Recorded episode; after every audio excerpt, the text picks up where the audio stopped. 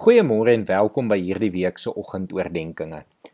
Ons gaan hierdie week deur die Bybel by sekere hoofgebeure stil staan om telke male bewus te word van hoe ons aan God behoort en wat dit beteken om vanuit hierdie identiteit te leef. Vanoggend staan ons stil by die skepping en spesifiek by die skepping van die mens. Ons lees in Genesis 1 vanaf vers 26 tot 28 die volgende.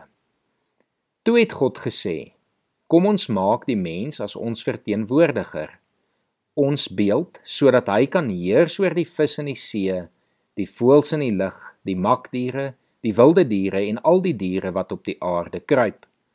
God het die mens geskep as sy verteenwoordiger. As beeld van God het hy die mens geskep.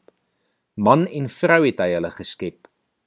Toe het God hulle geseën en vir hulle gesê: Wees vrugbaar, word baie Bewoon die aarde en bewerk dit. Heers oor die visse in die see, oor die voëls in die lug, oor al die diere van die aarde, ook oor die diere wat op die aarde kruip. Net hier die paar verse vanoggend. God het die mens geskep as sy verteenwoordiger om hier op aarde oor die aarde te regeer, maar nog meer as dit het God ons as mense na sy beeld geskep, manlik en vroulik. Met ander woorde, ons weerspieël iets van God op 'n baie besonderse wyse. Ons behoort aan God omdat hy ons Skepper is, maar ook omdat ons sy beeld dra. Weet vanoggend dat God ook jou geskep het as sy verteenwoordiger om sy beeld hier op aarde, daar waar jy daagliks beweeg, uit te dra.